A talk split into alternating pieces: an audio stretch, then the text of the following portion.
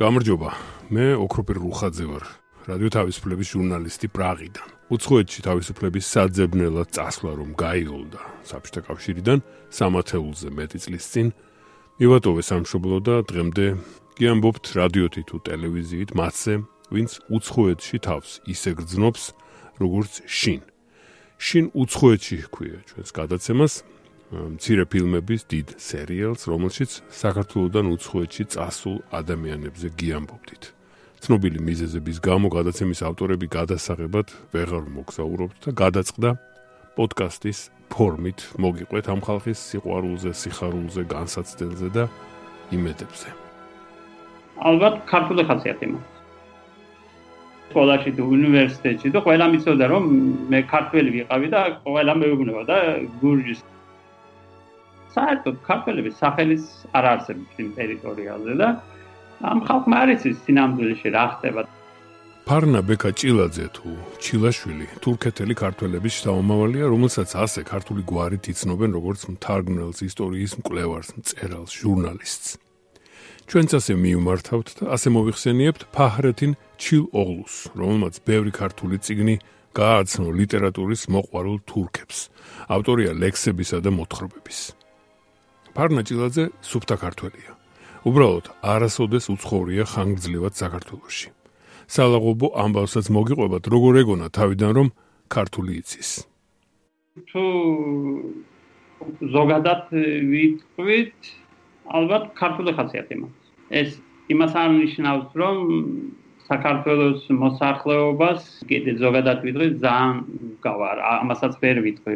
ალბათ მაინც განსხვავებული ამ გონი. არ ვიცი შეიძლება პრო შეიძლება რეალობასთან არ აქვს ამას კავშირი იმიტომ რომ მართლაც ფამიზრით მეუბნები ან შენ არც საქართველოსში დაბადებულზე ხარ და არც გაზრდილიო.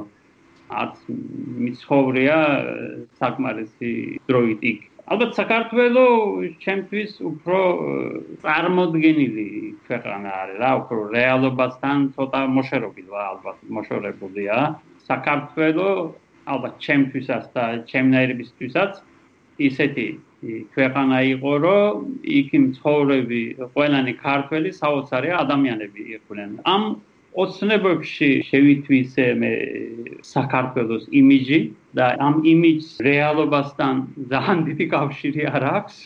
ალბათ არ ვიცი, უფრო ეს ოცნებებში ჩამოყალიბებული არის ყველაფერი მე მგონი. ფარმაცევტზე ბევრი ქართული წიგნი თარგმნა თურქულად. გამორჩეულია შუშანიკის წამება, ქართული უძველესი ლიტერატურული ძეგლი, რომელიც თურქმა მკითხველმა გაიცნო როგორც სოფლიოში პირველი რომანი. სოფლიოს პირველი რომანი თვითონ ეს წარწერა გაუკეთა გამომცემებლებმა და ეს ჩემი აზრი არ არის ამას თავიდან ვიტყვი რა. ალბათ ეს ერთ გვარი მარკეტინგის მიდგომაც რეკლამა იყო ხო? რა რეკლამა მე იყო? იმიტომ ახლა ხომ ახლა სოფიოს პირველი რომანი რომელია ეს კიდო საკამოთო არის მგონი. სიტყვა რომანი თვითონ მე ვიხმარე ის წინასწარ აი რაღაც რაღაცა რომ წელ ციგნის შესახებ და ეს სიტყვა ნახმარი ქონდა თამაზ ჭილაძის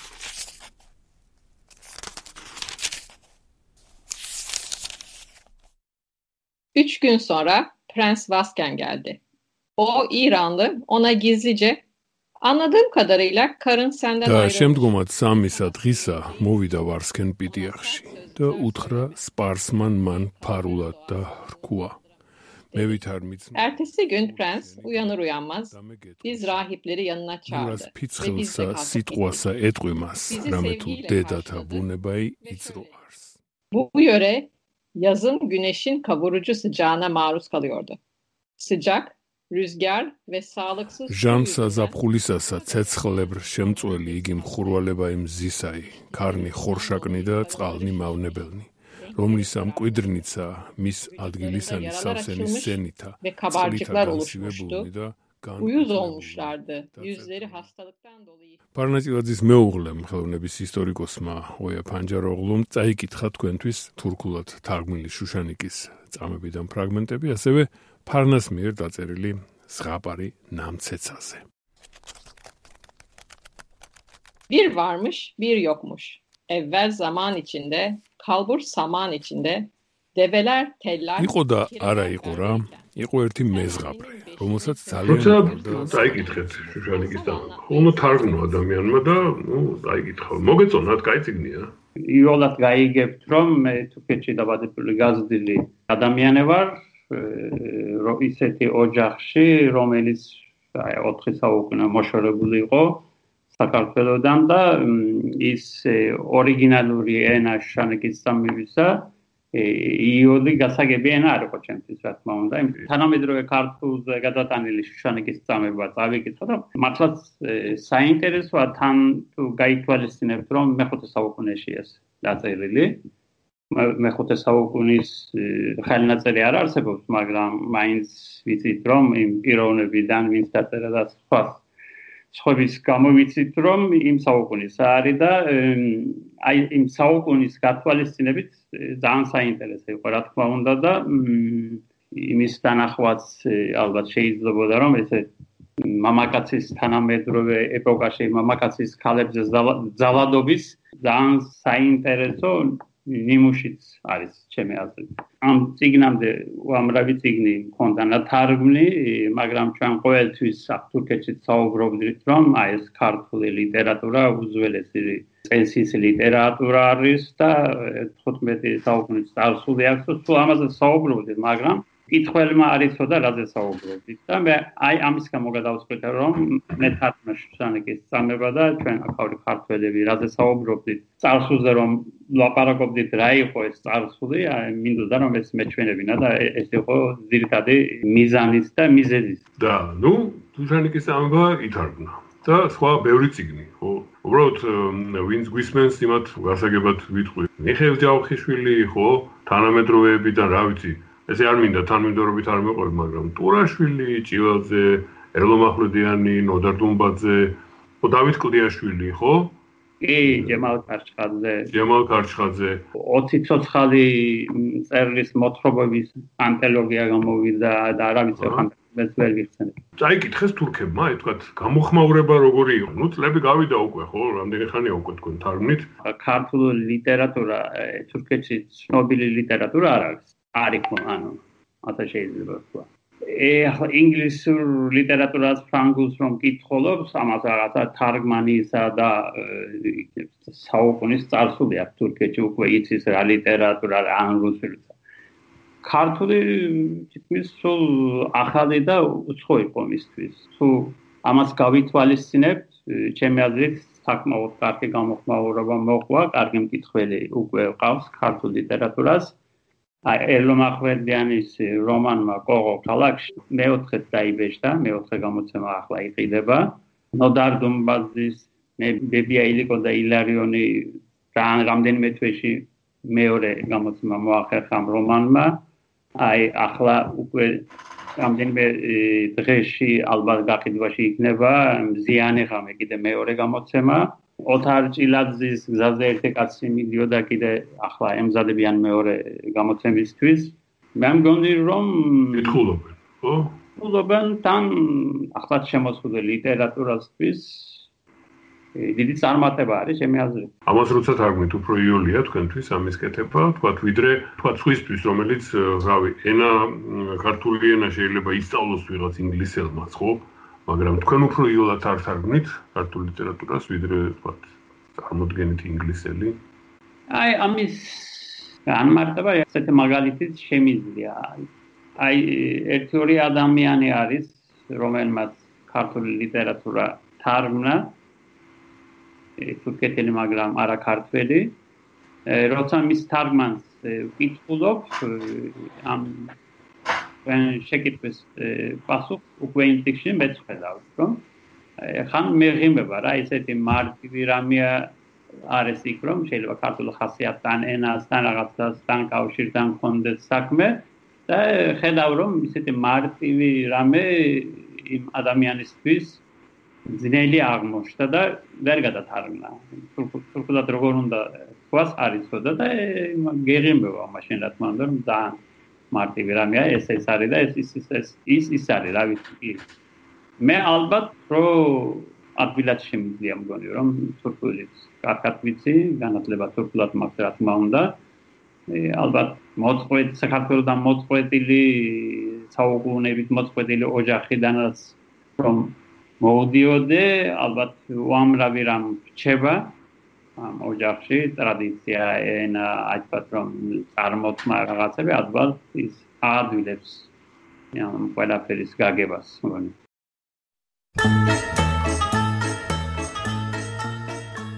პარნა ჭილაძე თავის ოჯახზე, დაძმასა და მათ შვილებზე ამბობს, ზოგმა საერთოდ არ იცის ქართული და ფაქტობრივად ენა თურქეთში იკარგებაო. იქ მცხოვრებ ქართველებს შორის ბევრი შეეცადა ესწავლა და არ დაევიწყებინა წინაპრების ენა. ერთი სალაღობო ამბავი მოისმინეთ, როგორ ეგონა ბაჰრეთინ ჩილოღლუს იმავე ფარნა ბეკაჭელიძეს თუ ჩილაშულს რომ ქართული იცოდა. ჯერ საბჭოთა კავშირი იყო 88-ში 10 ადამიანი თურქეთიდან 10 ქართველი სომხეთის გავდით სტუმრად ჩავედით საქართველოში. მას მინდები რომ გველაპარაკებოდნენ, ა გავიგე რომ მე არ მესმის ეს ქართული და ინგლისურად ლაპარაკობდი. მაშინ გავიგე რომ რაც ვიცი ის ქართული იმ ხალხს არ ესმის. ისინი რასაც ლაპარაკობენ მე არ მესმის. რა თქმა უნდა რომ მაინც ციგნების წაკითხვა ისე ადვილი არ იყო მაშინ რაც ადრე რა თქმა უნდა ამბანის არ ვიცოდი ქართული ამბანი და ცოტა ნასწავლი ვიყავი და მაგრამ მაინც ამ დონეზე რომ არ ვიცოდი არ მეგონა. და იმის შემდეგ რა ვიცი თვითონ ციგნების კითხვი წერით რაღაცა ამის გამითარება შევძელი მგონი. შეიძლება ესეც ესეც დავამატო რომ მე თურქეთში ან თურქეთელი თურქეთში დაბადებული მცხოვრები პირველი ქართველი ვარ რომელმაც ვიღაცებს ქართული ასწავლა რაღაცა ერთ საზოგადოებაში და ამ დროს ალბათ უფრო მეტად მე ვისწავლე გრამატიკა. სხვას რომ ვასწავლიდი იგი? როცა ვემზადებოდი რომ რაღაცა ის და ვასა, აი მაშინ გავიგე რომ ის ხალხი კი არა, თვითონ მე ვსაუბრობდი გრამატიკას. უცხოელ ქართველებს, მით უმეტეს მათ, ვისაც საქართველოში არ უცხოურია, ზოგჯერ ძალიან ახლობლებად თვლიან მათ ისტორიულ სამშობლოში. ხანდახან პირიქით ისეც ხდება, რომ რაღაც მათ რომ სურთ ისეთი თვისების უკონლობის გამო ინტერესს კარგავენ თვისტომის მიმართ. როცა ყველაფერი ნაკლებად იცი, გამარჯობას ნაცვლად გიგი მარჯოს ამობ, რაღაცა უფრო საოცარი ადამიანი ხარ იმ ქართველებისთვის, რომლებიც საქართველოს ის უფრო უფრო ქართველიც კი ხარ, ხო? ო, ჩამოყალიბებული რომ ხარ, ხარ უკვე არა ხარ საინტერესო, არ ვიცი, ძალიან ის არის უცნაური ამბავია, მაგრამ როცა მიყურებენ რომ თქვა როგორ თქვა ჩამოყალიბებული ადამიანი ვარ რაღაცა ენაში, იმაში, პოლიტიკაში და აღარა ვარ საინტერესო. ეგერთი. მეორე მეორე ალბათ ვაღიზიან იმ ხალხს, როცა საქართველოს პოლიტიკაზე საუბრობ და როცა მე მეუბნებიან რომ ეს საქმე შენ არ ეს შენი საქმე არ არის, იმიტომ რომ არც აქ დაბადებული ხარ და არც გაზრდილი ხარო ეს ხო, უცბად გეუბნებიან რომ თურქი ხარ, რა შენი საქმეა, ხო? კი, კი. ეს რა თქმა უნდა მაგიზიანებს, რა მნიშვნელობა აქვს. თუ მათი აზრით თუ საქართველოსთვის სასარგებლო საქმეა, მაშინ რაღაცა საოცარი ადამიანი ვარ, რა ვთქვა, რომ შუშანიკის წამება რომ გადავთარ, აი, ჩემზე დიდი ქართველი არ არსებობს. როცა პოლიტიკაზე დავიწყებ, ისე რომ უცებ უცებ მახსენებენ რომ შენ არა ვიცი, შეიძლება კიდევ ვთქვა რომ ფშხალებში არა, შენ ქართველი არა ხარ, თურქი ხარ და ნუ ჩაერევი ამ საქმეებში. რადიო თავისუფლების პოდკასტი შინ უცხოეთში ოქროპირ რუხაძე გიამბობთ ფარნა ბექა ჭილაძეზე. იმავე ფარნა ბექა ჩილაშვილზე. თურქეთელი ქართველების შთამომავალზე ეს არის მწერალი, თარგმნელი, ჟურნალისტი. მას ოფიციალურად ფაჰრეთინ ჩილოღლო ჰქვია და გვიამბობს თავის სოფელზე იმ კუთხეზე თურქეთში, სადაც გაიზარდა.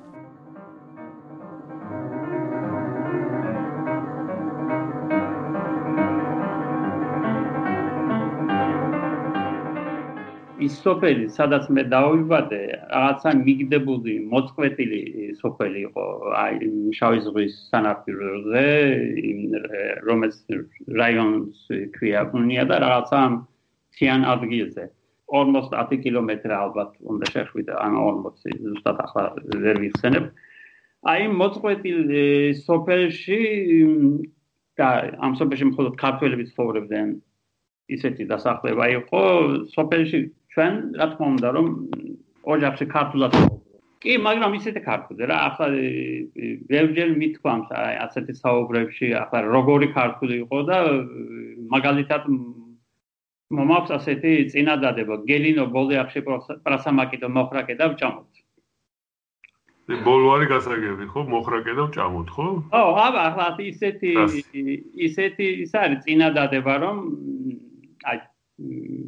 აი აი საქართველოს ქართველი თავიდან ბოლომდე ვერ გაიგებს, მაგრამ ე თურქიც ვერ გაიგებს. ხო, სპეციალური ქართულია, ხო? აო, აა თვითონ ეს ეს მე მგონია რომ კარგი მაგალითი არის, მაგრამ თვითონ არიცი, როცა ბავშვი ხარ რომ ისეთი ენას ისეთი ენაზე საუბრობ, რაღაცა ნახევარი სიტყვა თურქულიდან არის შემოტანილი, მაგრამ ასე გადაკეთებული, ანუ გაქართველებული და რაღაცები კიდე შეიძლება კუთხური, ქართული. ასეთი ენით საუბრობდით, მაგრამ აი მაგალითად მოვიყვან დედაჩემს წინათაობები, თაობებს უფრო უჭირდა იმ თურქული და დედაჩემი თურქებს რომ ესაუბრებოდა, აი უცებ გადადიოდა ქართულ ენაზე და მაგრამ ის ვერ ხდებოდა რომ თურქულს დაანება თავი და ქართულად ლაპარაკობს არ ესმის იმ ადამიანს ვისაც ელაპარაკება. ხო ეს მოწყვეტილება ალბათ კაი რამე იყო ამ ხრივ იმიტომ რომ კონტაქტები არ ქონდა სხვა სოფლებთან, სხვებთან და ასე ჩაკეტილი ცხოვრება იყო. როც ვინც აი თქვათ რომ ჩემი თაობისა ვინც ქალაქში ან დაბაში დაიბადა უფრო გახსნილი ადგილას, ალბათ ისინი ქართულად არ საუბრობდნენ ნამდვილად. არ არის იოლი იმ არეალების ისტორიული სურათის აღდგენა, სადაც ფარნაბეკა დაიბადა და ბავშვობა გაატარა. ესა უნიეს რაიონი ტრაბზონის სიკით შავი ზღვის პირეთში, სადაც სხვადასხვა ეროვნების ადამიანები ცხოვრობდნენ. სადაც ეს ადამიანები ერთმანეთს ხვდებოდნენ ხან სამტროდ, ხან სამეგობროდ. ეს არის არეალი, სადაც ძალიან დიდი ხნის წინ ბინადრობდნენ ბერძნები, სადაც სხვადასხვა მიზეზით მოგვიანებით ჩაასახლეს სომხები. შემდეგ ისინი იქიდან განდევნეს, მაგრამ ქართველები უკვე იქ იყვნენ, როცა ბერძნებს და სომხებს თურქებმა იქაურობა დაატოვებინეს. ქართველები კი ჩასახლდნენ цаრიელ ადგილებზე. იალაღებზეო, ამბობს ფარნაჭილაძე. ქართველებთან მეზობლად ცხოვრობდნენ ამ სომხები და ბერძნები. პირველ სოფლიო ომის დროს სომხები გადევნეს და აი ომის დამთავრების დროს, აი აი ათათურქის დროს კი ბერძნები. როცა ესენი ესენი გადევნეს, ჩვენ იმ ტერიტორიის ქართველებმა ამათი სოფლების დაიყავეს. უფრო აი უფრო ზევიდან უფრო ქვევით ჩამოვიდნენ цаრიელ სოფლებში და სახტები დაეკავეს. იმიტომ რომ ახლა ჩვენებს ორ სოფელში ქონდათ მიწები. იმიტომ რომ ეს მიწები მეერე გაფართებული იყო. ეთყობა რომ და იმ ადგილების აი რაღაცა მათოსიანი და რაღაცები სომხური სახელებით ხანდახან გვიყვებოდნენ რომ ადრე სომხებთან ან ურუმებთან ბერძნებთან კარგი ურთიერთობა ჰქონდა ჩვენ შორის არაფერი არ იყო და ასე შემდეგ. როცა ისინი გადაევნეს ჯერ გაიქცნენ მაღლა თიანეთში ტყებში ცხოვრობდნენ იქ ჩვენ რაღაცა კერძები მიქონდა და ასე და ისე ასეთი რაღაცები ვიყვებოდნენ მაგრამ ახლა აი სიმართლე სად არის და აქ სად არის შერეული ზღაპრები არ ვიცი. და ქართველებს თურქები ესე იგი არ ერჩოდნენ იმის გამო რომ გამაჰმადიანებულები კი მაგრამ რეგიონების მიხედვით ეგეთ იცლება ახლა მარმარილოს რეგიონში მე როგორც მე მომიყვენ და გავიგე რომ აი რაღაცა ქართველებზე ზალადობა იყო მაგრამ სადაც ჩვენ დასახლებული ვართ იმ იმ რაიონებში საქმე პირიქით იყო. იმიტომ რომ ესე ჩურქსული ალეფაშას რომ ეუბნება ყობულეთელი ალეფაშა თვითონ შეარაღებული ქართველები ჩამოვიდა იქ ებზოდა რუსეთს და აქ და ჩასახლებულ ან დასახლებულ ქართველები შეარაღებული ჩამოვიდნენ და აქ პირიქით იყო საქმე ქართველების ძალადობა მიდიოდა თურქებზე და ამიტომ მე ბავშვობიდან კარგად მახსოვს რომ რაღაცა ერთი ცენტრალური სოფელი იყო თურქების სოფელი კი რაღაცა ყავახანა რაღაცები იყო და როცა ქართველები ყავახანაში შევიდოდნენ გავიდოდნენ თურქები რომ ახლა ისინი ჩხუბს დაიწყებენ და რაღაცები და მე როცა მე მეგონა რომ ყველგან ეგრე იყო თურქეთში როცა რეგიონში რომ მომიყვენ რომ აი თურქებმა ეს გაგვიგეთეს და ის გაგვიგეთო მე ძალიან გამიკვირდა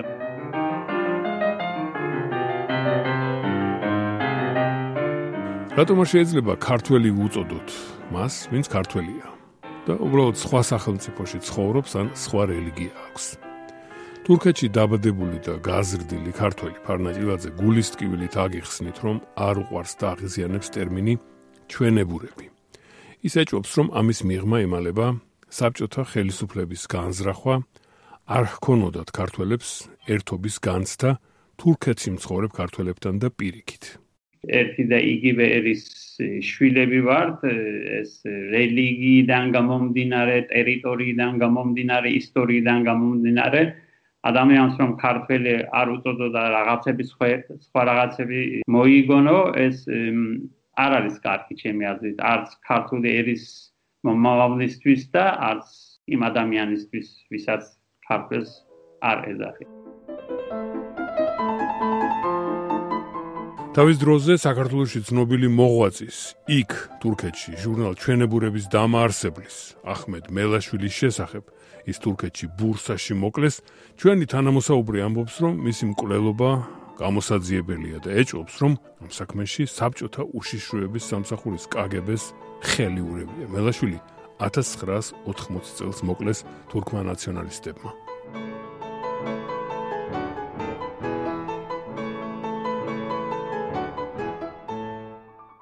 როცა ჟურნალის გამოცემა უნდათ ამ აჰმედ მელაშვილის და მის მეგობარს შალვა თევზაძეს შამვერ ახენ ჟურნალის სახელად უფრო სურდათ საქართველოს და ამასაც თვითონ თვითონ ხალვაში წერს და გადააფიქრეს რომ საქართველოს არ იყოს სხვა იყოს ეს ის იყოს ეს იყოს და თან იმასაც და გამოვიდა მელე ჟურნალ ჩვენებური აი ამ მაგალითიდან გამომდინარე მე ურთიერთობიდან იმ წერილებიდან საუბრებიდან ძალიან საინტერესო არის რომ ამ საბჭოთა ქართულ თურქოლოგებს სურდათ რომ ალბათ ესეც არ ვიცი მოსკოვის დაავადება იყო თუ რა იყო. ამ ხალხისთვის არ ეთქვათ ქართველი. ეს სიტყვა ჩვენებური დამკვიდრდა საქართველოსში ცხოვრები ზოგიერთ ქართველების დიდი აირათით. არ ვიცი, ალბათ მოსკოვში უფრო აწყობდა ის კი, იქ არიან რაღაცა ხალხი, მაგრამ პირდაპირ არ ვთქვა რომ ესენი ქართველები არიან, თქვენი ნამდვილი ნაწილი, მაგრამ ის ხალხი, აი თქვენნაირები არიან. იყვნენ, იყვნენ ისე როგორც არიან, მაგრამ თუ ჩვენ როცა დაგჭირდება და გამოგვადგება, მაშინ გამოვიყენოთ, მაგრამ ისეთი ახლო კავშირი არ იყოს. თვითონ იმათაც რომ საკუთარ თავს ქართველი ეზა უწოდონდა თქვენს. მე მგონი რომ ესეთ გათვალისწინებული იყო და აი ძალიან შეგნებულად მიდიოდა ეს პროექტი. როგორც ხედავ, თითქმის დღესაც ამ პროექტის გაგზელება მიდის. აი მაგალითად მოვიყვან აფხაზებს. აფხაზებს. ნაწილი თურქეთშია გამახმადიანებული ნაწილი საქართველოში აფხაზეთში ისეთი მეორე სახელწოდება არ არსებობს ასეთი რამე მუსლიმიც აფხაზია და ანუ აფსუა და ქრისტიანი რა ვიცი კიდე უფრო ბალკანეთიდან ალბანელები მუსლიმები არიან ქრისტიანები და ამ ჩვენ ქართველებს რა პრობლემა აქვს ამ დასახადებასთან არ ვიცი რატომ ეს რატომ ხდება? და რაში გვაწყობს რაში გვინდა? არ მიცნობ სიტყვა ჩვენებურს ქართველები თურქეთში ხმარობდნენ ქართველის აღსანიშნავად. როცა ორი ქართველი მესამეზე ლაპარაკობდა სხვების თანდასწრებით და სურდა მიენიშნებინა, იყო თუ არა ეს მესამე ქართველი, ამ დროს იტყოდა ჩვენებურიაო. თურქულად ეს სიტყვა არ იხმარებოდა. საქართველოსში კი ფარნაჯილაძის თქმით, ამ სიტყვას ისეთი მნიშვნელობა მიენიჭა თითქოს სხვა ხალხია, სხვა ერია. ფარნაზე ყველამ ყოველთვის ითოდა თურქეთში რომ ის ქართველი იყო. სადაც ვიყავი აი თუ სკოლაში თუ უნივერსიტეტში და ყველამ იცოდა რომ მე ქართველი ვიყავი და ყველა მეუბნება და გურჯის და და ხუმრობით აი უნივერსიტეტში ო შენ სტალინის შვილი შვილი ხარ ბადიში ხარ მეუბნებოდნენ თურქულად. მე მარცხენები დიდი სიამოვნებით. აკაც და იქაც მაშინებს უცხოეთში სიკვდილის ფიქრი უცხო მიწა უფრო ცივი, უფრო ბნელი, უფრო დაღლილი.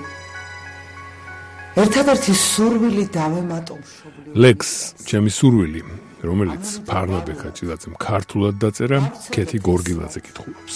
ან ახალ ყვავილად. მიმართან ახალგაზრდა გოგონებს სიყვარულის ნიშნად. გავუღიმებ ყოველას უფრო მშობლიურად. და უფრო თფილად. თავს მწერალს არც კი უწოდებს და თარგმანებმა დამღალაო. მითხრა ფარნაჭილაძემ, უნდა დავისვენო. აღმოჩნდა, რომ ხელი მოჰკიდა სხვა სასარგებლო საქმეს, ტაოკლარჯეთის სოფლების ისტორიის შესწავლას. აქვს საკუთარი ბლოგი და იქ აგვეყნებს მოპოვებულ მასალას ამ რეგიონის ისტორიაზე.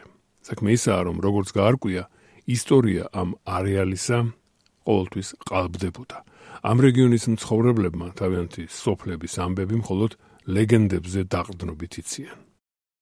ადამიანი კლარჯეთელიანი, ანუ არტვინის რომელიმე რაიონის სოფლიდან და თუ მას სურს რომ მისი სოფლის ისტორია რა არის გაიგოს, არ არსებობს არაფერი. ესეთი რაღაცა რომ ადრე რაღაცა ივჩაღები ცხოვრობდნენ, რა ვიცი, ესენი, ისენი, რამდენი თურქული ტომი არის ყველაფერი. იქ ცხოვრობდა, ყველანი იქ ცხოვრობდა და საერთოდ ქართველების სახელის არ არსებობს იმ ტერიტორიაზე.